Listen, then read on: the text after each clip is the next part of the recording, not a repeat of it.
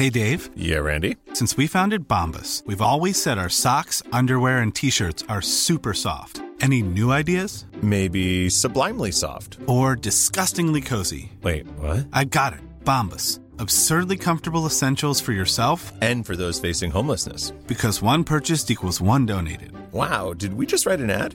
Yes. Bombas. Big comfort for everyone. Go to bombas.com slash ACAST and use code ACAST for 20% off your first purchase. I'm Sandra, and I'm just the professional your small business was looking for. But you didn't hire me because you didn't use LinkedIn jobs. LinkedIn has professionals you can't find anywhere else, including those who aren't actively looking for a new job but might be open to the perfect role, like me. In a given month, over 70% of LinkedIn users don't visit other leading job sites. So if you're not looking on LinkedIn, you'll miss out on great candidates like Sandra. Start hiring professionals like a professional. Post your free job on linkedin.com/achieve today. Hi, I'm Daniel, founder of Pretty Litter. Cats and cat owners deserve better than any old-fashioned litter. That's why I teamed up with scientists and veterinarians to create Pretty Litter. Its innovative crystal formula has superior odor control and weighs up to 80% less than clay litter. Pretty Litter even monitors health by changing colors to help detect early signs of potential illness. It's the world's smartest kitty litter. Go to prettylitter.com and use code ACAST for 20% off your first order and a free cat toy. Terms and conditions apply. See site for details.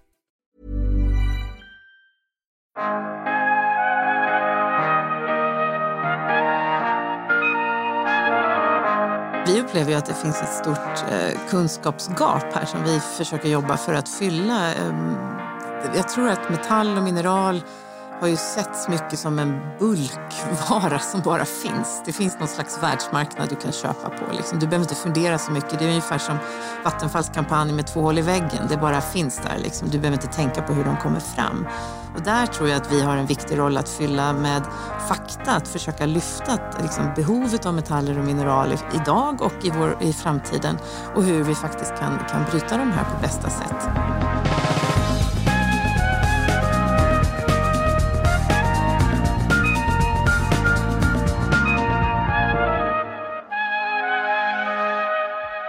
Hej och välkomna! Nu är Sveriges bästa teknikpodd tillbaka igen efter ett längre sommaruppehåll.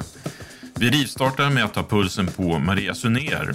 Maria är idag VD på gruvindustrins branschorganisation Svemin. De internationella investeringarna i svensk gruvindustri minskar stadigt och det här har pågått nu ett par år. Mycket beroende på att det är för krångliga och utdragna tillståndsprocesser enligt svensk gruvnäring. Och det här sker samtidigt som efterfrågan på metaller och mineral ökar stadigt i takt med den pågående elektrifieringen och digitaliseringen av samhället, både här och utomlands. Ja, vad ska då göras för att vi ska kunna utnyttja vårt mineral och metallrika land mer och bättre? Det hoppas vi att Maria kan svara på. Och är det verkligen ur ett miljö och hållbarhets hållbarhetsperspektiv verkligen vettigt att öka utvinningen av metaller och mineral när det ofta innebär stora markråden och sjöar påverkas negativt? Och hur ser relationen ut med Naturskyddsföreningen som protesterar vilt när nya gruvor och dagsbrott planeras? Ska gruvindustrin satsa ännu mer på lobbyism och påverkan för att tillståndsprocesserna ska bli som de önskar? Och varför är Cementakrisen en hjärtefråga för Svemin? Det här och mycket mer diskuterar vi med Maria Suner. Men först ska vi prata med Emma Andersson från Ny Teknik Group som ska berätta om veckans sponsor VSP.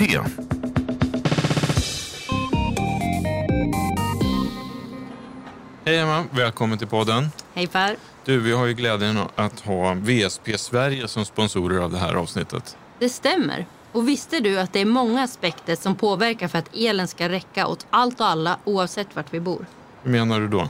Jo, men eftersom elsystemet måste vara i balans varje sekund från produktion till konsumtion, dygnet runt, så är det en komplex ekvation. Mm, det låter komplext. Kan du ge några exempel?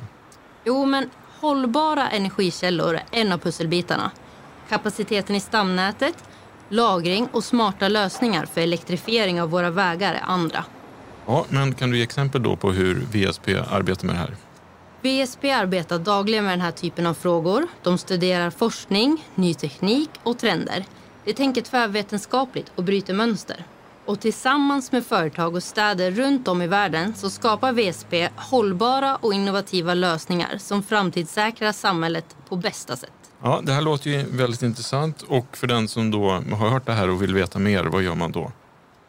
Då är det bara att höra av sig till VSP. Och om du vill vara med och forma framtidens samhälle tillsammans med VSP, kika då på alla lediga tjänster som finns på vsp.se. Ja, stort tack Emma och stort tack VSP.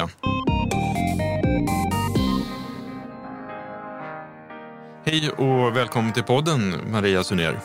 Tack så mycket.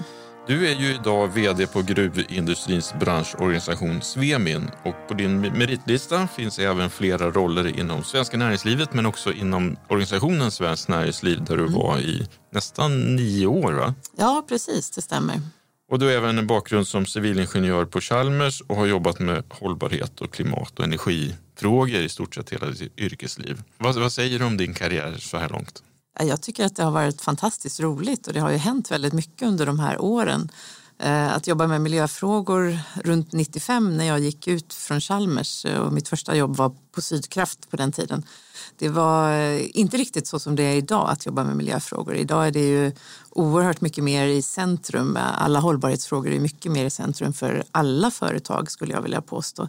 Då på den tiden var det fortfarande någonting mer som sköttes lite vid sidan av och man var lite det alibit för att eh, företaget skulle kunna jobba med miljöfrågor. Så det har ju skett oerhört stora förändringar i näringslivet under de här åren. Så om du hade klivit ut som nybakad civilingenjör idag, då hade du varit en helt annan status när du kom in i företaget? Då? Ja, men det tror jag. Ja, det började ju hända saker redan på 90-talet, men det har ju skett otroligt mycket mer nu eh, under de här senaste ja, kanske 15 åren egentligen från någonstans 2005-2006 när alla verkligen fick upp ögonen för klimatfrågan. Eh, det känns lite grann som att Al Gore och hans eh, globala kampanj kring klimatfrågor var ju något av en, en vattendelare egentligen och då då sjönk verkligen klimatfrågan in hos det stora flertalet, eh, är min bedömning i alla fall. Mm, vad, vad tyckte du om Al Gores film? Ja, men den var ju väldigt uppseendeväckande och, och satte ju fingret på de här frågorna på ett tydligt sätt. Sen är det klart att, att det kanske är så att, att de som är klimatexperter säger att den var överdriven eller underdriven i vissa aspekter och så vidare. Men, men den fick ju den stora massan att faktiskt vakna och ta till sig de här frågorna. Absolut. Idag då representerar du svensk gruvindustri och Sverige är ju en framstående gruvnation. Vi har varit det och är det. Eh, och vi är inne i en utveckling där vi blir, det blir allt mer nödvändigt med metaller och mineral. Man får inte säga mineraler, som vi hade en rubrik här i, som ändrades tack vare er. Mm, precis, mineraler. mineraler är något man äter och har i kroppen. Exakt. Vad är egentligen statusen på svensk gruvindustri idag? Ja, men å ena sidan så är vi precis som du säger eh, extremt framstående. Svensk gruvnäring, vi är för det första den största gruvnationen i Europa. Det är inte någonting som vi alltid tänker på, men vi är ju den nation som har mest gruvnäring tillsammans med kanske vår, våra finska kollegor och några ytterst få länder till i Europa. Eh, och vi har ju också en, en gruvnäring som verkligen ligger i framkant när det gäller hållbarhet och att jobba aktivt med att få bort klimatutsläpp och att eh, arbeta med andra hållbarhetsaspekter, biologisk mångfald och så vidare. Men också att vi har eh, väldigt goda arbetsvillkor jämfört med hur det ser ut i, i stora delar av världen i gruvnäringen naturligtvis.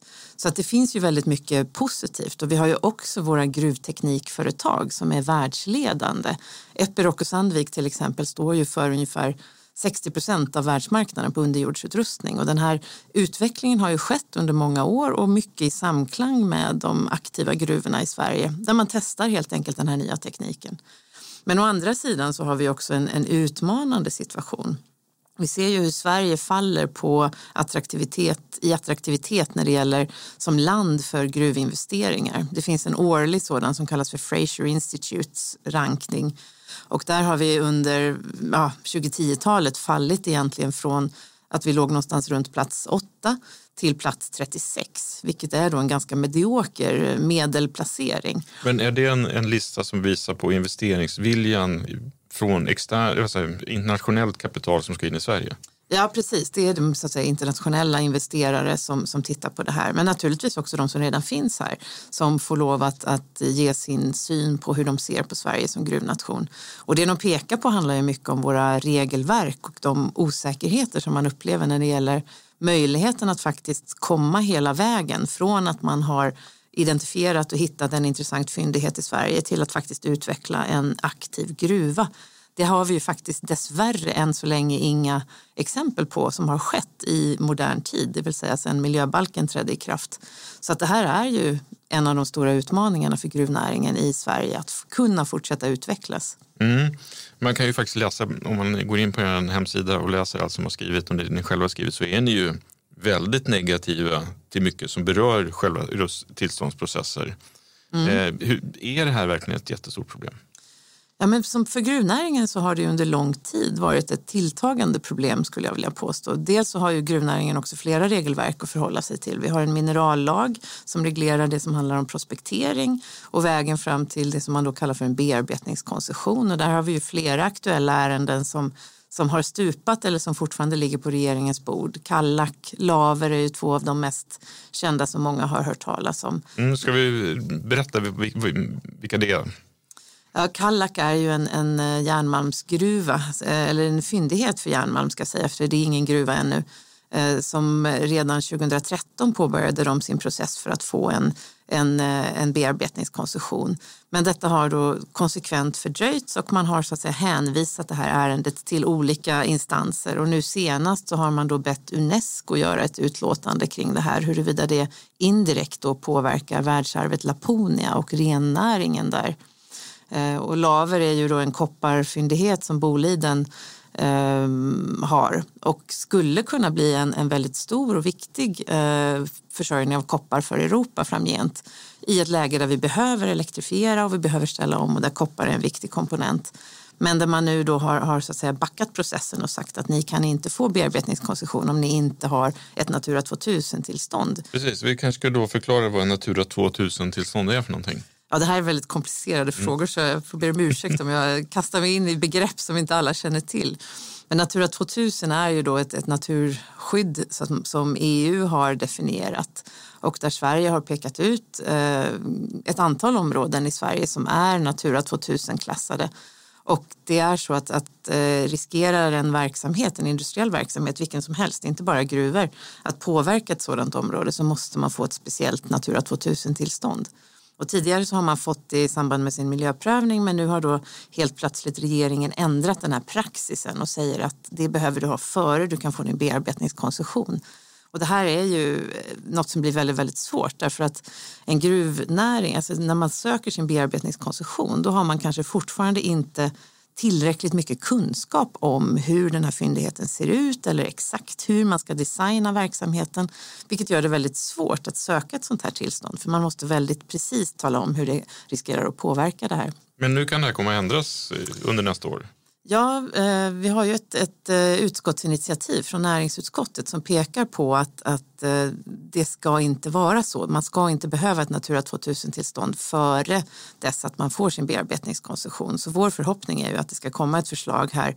Det är sagt att senast sista juni nästa år måste regeringen återkomma i den här frågan till, till gruvnäringen och till riksdagen med hur man ska så att säga, ta bort den här nya praxisförändringen som man då har, har gjort. Och om man tar bort den här förändringen, vad innebär det då för eh, svensk gruvindustri? Ja, alltså det är ju en liten del egentligen i det här som vi, vi efterfrågar men vi hoppas ju att det ska göra det tydligare i vilken tågordning man ska göra sin prövning och att eh, man behöver ha den här bearbetningskoncessionen för att kunna så att säga, genomföra de sista undersökningarna och faktiskt påbörja planeringen av en, en framtida gruvverksamhet och också hitta tillräckligt mycket medel, för, alltså ekonomiska medel för att ha råd att genomföra alla de undersökningar som behövs för att söka miljötillstånd. Det är en ganska kostsam och omständig process i dagsläget. Mm. Du sa att investeringsviljan, internationell investeringsvilja sjunker, mm. Sverige faller på listan. Samtidigt då 2019 så exporterade Sverige malmer, metall och mineral till ett värde av 120 miljoner kronor. Och att det, det motsvarar ungefär 8 procent av svensk varuexport. Mm. Mm. Då, vad krävs då? Eller är vi, kommer vi kunna öka den här? Kommer vi kunna se en god tillväxt kommande tio år eller kommer det ligga på de här nivåerna? Um, ja, det är naturligtvis svårt att säga exakt. Det beror ju mycket på om vi får utökade tillstånd för verksamheten. Men det man kan konstatera är ju att de befintliga gruvorna i Sverige är extremt högproduktiva och har ju ökat sin produktion ganska kraftigt under de Eh, de senaste 10-15 åren. Så att produktiviteten i de befintliga gruvorna är väldigt hög. Men vi behöver ju också ha en, en återväxt. Och det är både med så att säga, gruvnära prospektering och fyndigheter som är, liksom, gör att man kan utvidga sin befintliga gruva, men också på nya ställen då med greenfield-gruvor som vi kallar det, som är på en ny plats där vi inte så att säga, tidigare har haft gruvdrift. Och det här är ju lite utmaningen för, för gruvnäringen. Så vi vet ju att Sverige har otroligt mycket intressanta metaller och mineral i sin berggrund. EU har till exempel en så kallad kritisk lista och där det finns ett 30-tal ämnen listade som är viktiga för Europa och där vi riskerar försörjningsproblem i framtiden. Och Sverige har potential för mer än hälften av de här men i dagsläget så bryter vi ingen av dem. Och det är mycket troligt att många av de här fyndigheterna ligger på ställen där vi i dag, dagsläget inte har gruvor. Så att kunna utveckla både de befintliga gruvorna och kunna fortsätta att utveckla gruvor på nya ställen är helt centralt. Men hur lång tid tar det då från eh, att man tänker där bort, där finns de här mineralerna, eller mineral och metaller, tills det liksom eh, verkligen blir en export av det? Ja, det, tar ju, det tar ju lång tid. Jag menar, den, den här prospekteringsfasen är en ganska kostsam och tidskrävande process och jag skulle säga att det tar nog 10 till 15 år att verkligen ringa in, framförallt om det är nya områden man ger sig in i att prospektera och försöka hitta fyndigheter som är tillräckligt bra för att utveckla ur ett ekonomiskt och tekniskt perspektiv. Så det, det, tar, det, det kan ta väldigt lång tid och sen har vi hela tillståndsprocessen. Så att någonstans mellan 10 och 20 år kanske det tar att utveckla en, en ny gruva så som tidshorisonterna ser ut idag. Eh, men det beror lite på. Är det, är det en fyndighet som du redan känner till och som är väldefinierad så kan det gå fortare. Då är det liksom tillståndsprocesserna som, som tar tid i det här. Ja, ni är väldigt negativa till tillståndsprocesser och eh, ibland kallar ni för Kafkaartade tillställningar och så vidare. Är det, är det så här illa som ni vill framställa? Ja, men det har ju successivt blivit svårare och svårare att komma framåt i tillståndsprocesserna. Och eh, våra medlemmar upplever ju att det, det så att säga, eh, finns en rättsosäkerhet i det här. Att man kastar in nya parametrar som, som inte fanns från början. Att man till exempel när man har sitt undersökningstillstånd så helt plötsligt så pekar Länsstyrelsen ut ett nytt naturreservat som angränsar till det här eller det pekas ut ett nytt riksintresse.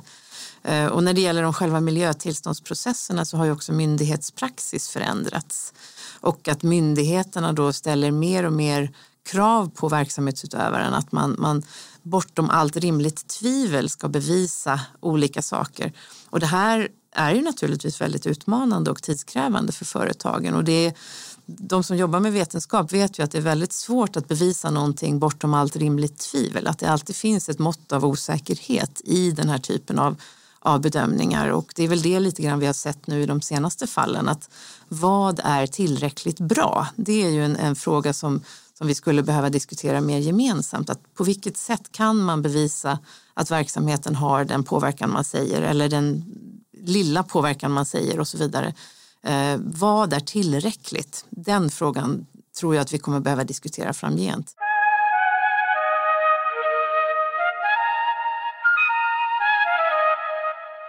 Naturskyddsföreningen har ju slogan Vi står upp för naturen och de är ju väldigt snabba med att protestera mot etableringen av exempelvis nya dagbrott. De kallar de här dagbrotten lite eh, smart för brottsplatser. Eh, de anser att gruvor orsakar stora allvarliga miljöproblem och att dagbrotten är ett hot mot både naturen och människor. Och att jakten då på mineraler skadar helt enkelt klimatet. Vad säger du om de här, den här kritiken? Ja, men man skulle kunna vända lite grann på det också. Att vi står ju inför en, en klimatutmaning som är eh, extrem. Och jag menar, den senaste IPCC-rapporten understryker ju det här med, med stor tydlighet att det är bråttom att ställa om. Och det finns ju också analyser som pekar på att ska vi verkligen klara klimatutmaningen så är det ett antal viktiga teknologier som behöver öka. Life is full of awesome what ifs and some not so much, like unexpected medical costs. That's why United Healthcare provides Health Protector Guard fixed indemnity insurance plans to supplement your primary plan and help manage out of pocket costs. Learn more at uh1.com. It's that time of the year. Your vacation is coming up. You can already hear the beach waves, feel the warm breeze, relax, and think about work. You really, really want it all to work out while you're away. Monday.com gives you and the team that peace of mind. When all work is on one platform and everyone's in sync, things just flow wherever you are. Tap the banner to go to Monday.com. Ever catch yourself eating the same flavorless dinner three days in a row? Dreaming of something better? Well, HelloFresh is your guilt-free dream come true, baby. It's me, Gigi Palmer. Let's wake up those taste buds with hot, juicy pecan-crusted chicken or garlic butter shrimp scampi. Mm. Hello Fresh. Stop dreaming of all the delicious possibilities and dig in at HelloFresh.com. Let's get this dinner party started. Hey, it's Ryan Reynolds, and I'm here with Keith, co star of my upcoming film, If, only in theaters, May 17th. Do you want to tell people the big news? All right, I'll do it. Sign up now and you'll get unlimited for $15 a month in six months of Paramount Plus Essential Plan on us. Mintmobile.com slash switch. Upfront payment of $45 equivalent to $15 per month. Unlimited over 40 gigabytes per month. Face lower speeds. Videos at 480p. Active Mint customers by 531.24 get six months of Paramount Plus Essential Plan. Auto renews after six months. Offer ends May 31st, 2024. Separate Paramount Plus registration required. Terms and conditions apply if rated PG. Hi, I'm Daniel, founder of Pretty Litter. Cats and cat owners deserve better than any old-fashioned litter. That's why I teamed up with scientists and veterinarians to create Pretty Litter. Its innovative crystal formula has superior odor control and weighs up to 80% less than clay litter. Pretty Litter even monitors health by changing colors to help detect early signs of potential illness. It's the world's smartest kitty litter. Go to prettylitter.com and use code ACAST for 20% off your first order and a free cat toy. Terms and conditions apply. See site for details. Användningen av i världen, vi pratar vindkraftverk, solceller, elektrifieringen av transportsektorn och så vidare. Och för många av de här teknologierna så är ju metaller och mineraler helt centrala. Eh, och, det finns ju analyser som visar att ska vi verkligen klara ett net zero society någonstans runt 2050, ja, då kommer vi öka behovet av metaller och mineral på en generell nivå med ungefär 6 procent. Eh, Medan vissa energikritiska metaller, eh, där kommer vi öka många hundra procent eh, så att säga, behovet för att vi faktiskt ska klara det här net, netto noll-samhället som vi eftersträvar. Så att det är också en fråga om att, att vad tänker de sig att, hur tänker de sig att vi ska klara klimatutmaningen? Det är ju lite så de facto att allt som vi har omkring oss i vår omvärld består ju av, av ett material. En, och, och som någon sa att if you can't grow it you have to mine it. Så hur ska vi få fram det här materialet? Du kan inte bygga elbilar av trä. Det kommer inte att fungera utan vi måste ha de här metallerna och mineralerna. Sen så ska vi självklart sträva efter att påverka vår omgivning så lite som möjligt. Eh, och, och det, det, det, är ju någonting som den svenska gruvnäringen jobbar väldigt mycket med. Vi har en vision för hur vi ska kunna ha netto noll klimatutsläpp från gruvbrytningen redan 2035 som är något som våra medlemmar jobbar emot. Och vi har också en, en ambition att ha en nettopositiv påverkan på den biologiska mångfalden i de regioner där vi verkar. Eh, det är också en av de viktiga frågorna så att, redan till 2030. Så att här finns väldigt starka ambitioner från den svenska gruvnäringen att göra så liten åverkan som möjligt. Men som du säger, det går inte att komma ifrån att en gruva är ett hål i marken. Och det syns och det kommer att påverka den närliggande miljön eh, ur något perspektiv. Eh, men så är det ju med ganska mycket verksamhet som vi, vi människor eh, tar, tar oss för. Att, att all vår fysiska infrastruktur och så vidare påverkar ju också miljön eh, i olika perspektiv. Även en vägsträckning eller ett, ett nytt eh, sjukhus och så vidare tar mark i anspråk. Så mm. vi har svårt att existera vi människor om vi inte ska påverka naturen på något sätt. Men självklart med så liten påverkan som möjligt. Hur skulle du säga att din och er relation till Naturskyddsföreningen är idag? Ehm, ja, alltså vi, vi har väl en respektfull dialog tycker jag. Eh, jag menar, vi är väl medvetna om, om deras eh, ståndpunkter kring det här och, och eh, jag menar, i vissa delar så kan vi också säga att vi, vi nog är delvis överens. Det finns ingen motsättning i, som jag ser det, i, i att, att för, prata för gruvor och att faktiskt också jobba för ökad återvinning i samhället. Det är en väldigt viktig del av, av så att säga, vårt framtida hållbara samhälle, att hela tiden jobba med återflöden. Och någonstans är ju faktiskt metaller och mineral extremt väl lämpade för att återvinnas eftersom de är grundämnen och man kan ta tillvara på väldigt mycket av det som vi, vi plockar upp ur backen. Men de facto är det ju så att vi under en, en period som är relativt lång framåt kommer att behöva ökat uttag av metaller och mineral.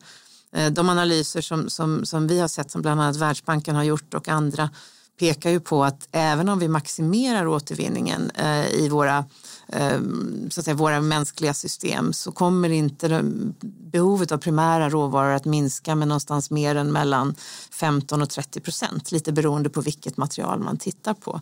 Så att vi kommer att behöva mer material. Men vi, eh, jag menar, våra medlemmar jobbar ju också med återflöden. Boliden till exempel har ju en av de största återvinnings, elektronikskrot återvinningsanläggningarna i norra Europa. Så att här finns ju synergier verkligen mellan produktion av, av metaller från primärråvara och de sekundära flödena som vi måste utnyttja. Ja, och mycket av förändringar av regler och politiska beslut grundar sig ju faktiskt i att man har en effektiv lobbyism eller lobbyverksamhet. Hur arbetar ni för att påverka politiker och tjänstemän och utredare i viktiga frågor som berör er verksamhet eller era medlemmar? Men vi upplever ju att det finns ett stort eh, kunskapsgap här som vi försöker jobba för att fylla. Eh, jag tror att metall och mineral har ju setts mycket som en bulkvara som bara finns. Det finns någon slags världsmarknad du kan köpa på. Liksom. Du behöver inte fundera så mycket. Det är ungefär som Vattenfalls kampanj med två hål i väggen. Det bara finns där. Liksom. Du behöver inte tänka på hur de kommer fram. Och där tror jag att vi har en viktig roll att fylla med fakta, att försöka lyfta liksom, behovet av metaller och mineral i, i, idag och i, vår, i framtiden och hur vi faktiskt kan, kan bryta de här på bästa sätt. I, I dagsläget så är ju Europa har ju minskat sin produktion av metaller ganska kraftigt genom liksom århundradena kan man nästan säga. Vi står idag för bara någonstans runt 5-6 procent av all produktion av, av metaller eh, i Europa. Samtidigt som vi använder någonstans mellan 20 och 30 procent av, av det som vi har i världen. Vilket ju innebär att vi importerar de här från andra delar av världen och där Kina inte minst har placerat sig extremt strategiskt och satt sig på, på viktiga resurser och tecknat samarbetsavtal med afrikanska länder och så vidare som har, har de här tillgångarna. Så att det finns ju också en, en stark geopolitisk dimension i, i det här som, som vi inte ska underskatta. Och där vi nu skiftar då från det här fossilbränslesamhället som vi har haft till ett samhälle som är mer eldrivet och också då har ett större behov av de här metallerna och mineralen så kommer det ju eh, också den här maktfördelningen att skifta väldigt kraftigt. Eh, vem är det som sitter på råvarorna? Det är ju en viktig fråga att fundera över och här har ju Sverige en fantastisk möjlighet att faktiskt vara en spelare. Men, men, för att lyckas med det här då och, så måste ni bli ännu bättre på lobbyism och investera ännu mer i den typen av verksamhet, eller hur? Ja, vi måste kanske bli ännu bättre på att, på att synliggöra de här frågorna och på att lyfta våra perspektiv och vad som faktiskt krävs för att vi ska kunna utveckla en gruvnäring i Sverige och i Europa. Eh, för, för det är ju något som vi ser som en viktig faktor för Europa vad gäller att att vara mer självförsörjande på, på den här typen av mineral och att också kunna driva vår teknikutveckling framåt på ett bra sätt. I somras så bubblade den så kallade cementkrisen upp i, här i Sverige när Mark och miljööverdomstolen beslutade att då avvisa Cementas ansökan om fortsatt och utökad täktverksamhet i Slite på Gotland. Och det här blev ju snabbt liv i mm. luckan och det kom en massa uppgifter till oss här om att 400 000 jobb var hotade om inte det här beslutet hävdes. Du sa att du tog emot beskedet med förvåning och frustration. Varför då? Ja, men det här är ju en process som har pågått under väldigt lång tid. Eh, Cementa lämnade ju in den här ansökan redan i slutet av 2017 och eh, har ju gått igenom den underliggande domstolen och där fått en positiv dom från Mark och miljödomstolen som också var väldigt välskriven i de delar som sen då kritiseras i Miljööverdomstolen. Eh, och, och det som har hänt är ju egentligen att Eh, mark, mark och miljööverdomstolen då har ansett att miljökonsekvensbeskrivningen inte är tillräckligt bra och att de därför inte kan ta ställning. Det är det här som det avvisandet innebär. Och det kan man ju tycka att ska det verkligen kunna vara så i ett samhälle att, att man påbörjar en process med en miljökonsekvensbeskrivning som lämnas in redan 2017 och först drygt fyra år senare när man bara har fyra månader kvar av giltigt tillstånd, ja först då kommer man fram till att den här var inte tillräckligt bra. Det är ju en, en ordning som inte är godtagbar skulle jag vilja påstå. Man måste ju kunna få ett sådant besked betydligt mycket tidigare om det är så att man som verksamhetsutövare behöver förbättra eller komplettera sin konsekvensbeskrivning för att domstolen ska kunna ta ställning. Och särskilt då när den underliggande domstolen faktiskt tog ställning och tog ställning för att den var tillräcklig för att ge en positiv dom för Cementa. Eh, så, så, känns det som ett väldigt konstigt eh, system som vi har idag när detta faktiskt kan inträffa. Och varför var det här en viktig fråga och viktig fråga för dig att kommentera din roll som eh, vd på Svemin?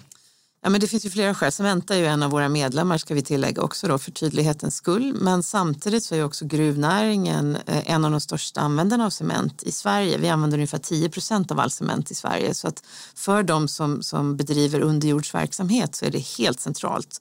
Du kan inte ha en säker gruvdrift och säkra din arbetsmiljö för dina medarbetare i gruvgångar och så vidare om du inte har tillgång till cement som, som hela tiden säkrar upp gruvgångarna. Så det är en viktig fråga ur, ur, flera perspektiv. Plus skulle jag vilja säga att jag ser det som en väldigt tydlig illustration på eh, ett tillståndsprövningssystem som behöver förändras och reformeras så att vi går mot en ökad så att säga, effektivitet och rättssäkerhet i de här processerna. Men varför är den här verksamheten i Slite på Gotland då så viktig för, svensk, för Sverige? Ja, men cement är ju... Cement finns väl att köpa utanför Sverige också? Ja, precis, det kan man ju tro. Eh, men cementmarknader är relativt eh, lokala och regionala. man har byggt upp de här eh, marknaderna under relativt lång tid. Det är också en ganska bulkig produkt som kanske inte har, har ett jättehögt värde i sig så att säga, ekonomiskt och det gör också att man, den kanske inte lämpar sig för att transportera särskilt långt. Och när det gäller just Slitefabriken så står ju den för ungefär 75 procent av all produktion eh, i Sverige. Eh, och det gör ju att ett stopp där som, som medför att, att Cementa då inte kan fortsätta producera i Slite får ju extremt stora följdkonsekvenser för, för hela byggsektorn inte minst. Det är ju där de här 400 000 jobben som du nämnde, det kanske inte är riktigt så många. Jag tror att den konsekvensanalys som byggföretagen tog fram pekade på någonstans runt 230 000 jobb.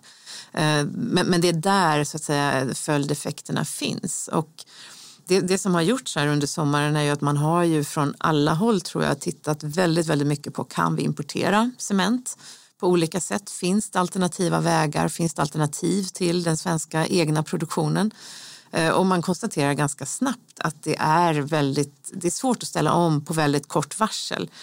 Cement är dessutom inte heller någon sån eh, bulkvara utan det är väldigt specifika kvalitetskrav när det gäller cement och inte minst, Vägverket eh, och andra så här stora infrastrukturbeställare har extremt specifika och höga hållbarhetskrav på den cement som man importerar. Så det är inte bara att skeppa hit någon kinesisk cement som, som fungerar utan det krävs ganska mycket vad gäller kvalitetskontroll, hållfasthet och så vidare för att man faktiskt ska få lov att använda en importerad cementbatch eh, i, i det svenska systemet. Men ni kallar ju också att den här cementkrisen liksom sätter fingret på den infekterade skärningspunkten mellan ideologisk klimatambition och det reella förändringsarbetet som bedrivs av svenska stora industriföretag. Ja, men det, det, är ju faktiskt så också att Cementa hade ju aviserat här i början på juni också eh, det faktum att man eh, ville investera för att bli världens första klimatneutrala cementfabrik. Eh, och den investeringen är ju nu definitivt lagd på is. Och vi ser ju också hur, hur, många av våra företag satsar stenhårt framåt för att minska sina klimatutsläpp. Allt som LKAB gör, hybridprojektet och så vidare, allt det här är ju beroende av att man får tillstånd för sin verksamhet. Och vi är oroade att det här kommer ta för lång tid. Vi kommer inte klara Sveriges klimatmål om vi inte också får en mer effektiv tillståndsprocess. Och där är det ju skärningspunkten egentligen mellan att man har väldigt lokala miljöhänsyn i miljötillståndsprocesserna och att vi pratar en, en, större global klimatnytta som kanske inte vägs in i de här prövningsprocesserna på det sättet som man skulle önska. Mm. Om vi tittar framåt då, eh, vilka framgångar krävs eh, för att du liksom ska äta tårta och dricka lite bubbel eh, i din roll som vd för Svemin? Ja, um, nej men naturligtvis så, så är ju um, att, att faktiskt åstadkomma reella steg för att förenkla Eh, och effektivisera miljötillståndsprocesserna så att det fungerar bättre, det systemet. Det är ju något som definitivt skulle generera tårta och bubbel. Men, men samtidigt så är det inte, det finns inte en quick fix på den frågan utan det är ju ett ganska intrikat system av, flera överlappande lagstiftningar. Vi har också många EU-direktiv som påverkar miljötillståndsprocesserna. Men vi hoppas ändå att man faktiskt ska kunna börja ta vissa steg framåt i det här och det, det kan ju handla om sådana mm, kanske till synes då banala saker som att faktiskt ge tydligare instruktioner till domstolarna kring vilken utredningsskyldighet de har. Att eh, peka på vilka roller olika myndigheter ska ha i de här processerna och så vidare. Men som sagt, det är inte en sak som kommer att lösa den här knuten utan det kommer vara ganska många olika saker som, som behöver genomföras under en relativt lång tid skulle jag vilja säga. Och mer konkret då, vad kommer du pyssla med kommande månader? Nej, men vi kommer naturligtvis att ha fullt fokus på, på att, hur man ska kunna reformera miljötillståndsprocesserna i, i en positiv riktning för, för gruvnäringen men också för hela industrin. För det här är ju något som berör hela den tunga industrin egentligen. Och eh, jag, jag tycker att cementkrisen, om man nu får kalla det för det, då, har ju verkligen satt fingret på det här som vi sa här, som du läste upp på vår, på vår hemsida. Och för en gångs skull så har vi också fått väldigt många andra att diskutera den här frågan. Det är ju inte så många som kanske har tyckt att tillståndsfrågor, många har fått något blankt i blicken när man försöker ja. prata om miljötillståndsprocesser och börjar liksom flacka lite åt olika håll och fundera på vad de ska äta till middag. Men, men nu känns det som att nu har man faktiskt förstått att det här kan få konsekvenser. När vi ser att en en, en, en, produkt som, som cement är äventyrad i den svenska produktionen och den värdekedja som är kopplad till det här, de följdverkningar som, som riskeras, eh, då har vi faktiskt fler vaknat. Så att jag hoppas att, att det här ska göra att det finns en större möjlighet att faktiskt komma fram med, med förbättringsförslag eh, i de politiska Eh, miljöerna så att säga när det gäller eh, miljötillståndsprocesser. Mm. Vi inledde samtalet med att konstatera att Sverige har en enormt stor potential att eh, mm. var, fortsätta vara en betydande gruvnation. Tror du att det internationella kapitalet och internationella intresset kommer att återkomma och göra att Sverige klättrar på den här investeringsviljelistan? Jag hoppas det. Det är ju vår främsta, främsta uppgift och drivkraft att försöka säkra att Sverige kommer tillbaka till en topplacering där. Dessvärre så ser vi ju tecken som, som går i fel riktning. Till exempel antalet giltiga undersökningstillstånd har ju minskat från någonstans runt 1300 för tio år sedan till någonstans eh, ja, mellan 500 och 600 i dagsläget. Och det är ju en indikation på vilket intresse det finns att komma till Sverige och leta efter metall eh, och mineral och, och fyndigheter som skulle kunna utvecklas till gruvor. Så att jag tror att vi behöver göra ett krafttag att faktiskt visa på att vi, vi vill vara en framstående gruvnation och vi vill välkomna den typen av investeringar till landet. Och då är ju tillståndsprocesserna och de, så att säga, den administration och, och liksom den regelgivningsprocess som, som företagen möter oerhört viktig. Man kan tycka att det låter tråkigt när man pratar om sådana saker men det är ju oerhört viktigt för att, att företagen faktiskt ska kunna växa och utvecklas i Sverige. Mm, du har roligt på jobbet? Jag har definitivt roligt på jobbet. Det är väldigt spännande jobb och jag tycker framförallt det är väldigt roligt att eh, behovet av metaller och mineral har blivit så mycket i fokus nu när vi ser att de är helt nödvändiga för klimatomställningen. Så att det, det gör ju att jobbet blir extra roligt och att Sverige faktiskt har väldigt goda möjligheter att bidra med de metaller som behövs för klimatomställningen. Mm, det får bli ditt slutord. Tack så mycket Maria för att du kom till podden. Mm, tack så mycket.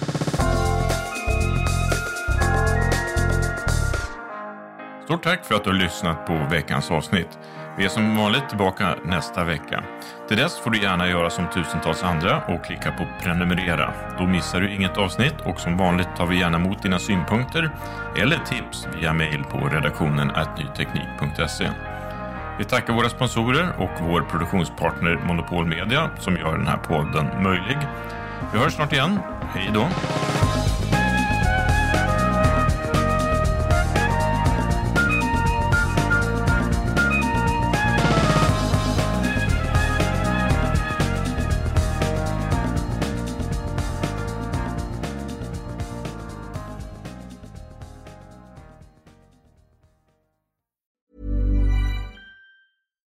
Hi, I'm Daniel, founder of Pretty Litter. Cats and cat owners deserve better than any old fashioned litter. That's why I teamed up with scientists and veterinarians to create Pretty Litter. Its innovative crystal formula has superior odor control and weighs up to 80% less than clay litter. Pretty Litter even monitors health by changing colors to help detect early signs of potential illness. It's the world's smartest kitty litter. Go to prettylitter.com and use code ACAST for 20% off your first order and a free cat toy. Terms and conditions apply. See site for details. Ever catch yourself eating the same flavorless dinner three days in a row? Dreaming of something better? Well, HelloFresh is your guilt-free dream come true, baby. It's me, Gigi Palmer. Let's wake up those taste buds with hot, juicy pecan-crusted chicken or garlic butter shrimp scampi. Mm. Hello Fresh. Stop dreaming of all the delicious possibilities and dig in at HelloFresh.com. Let's get this dinner party started.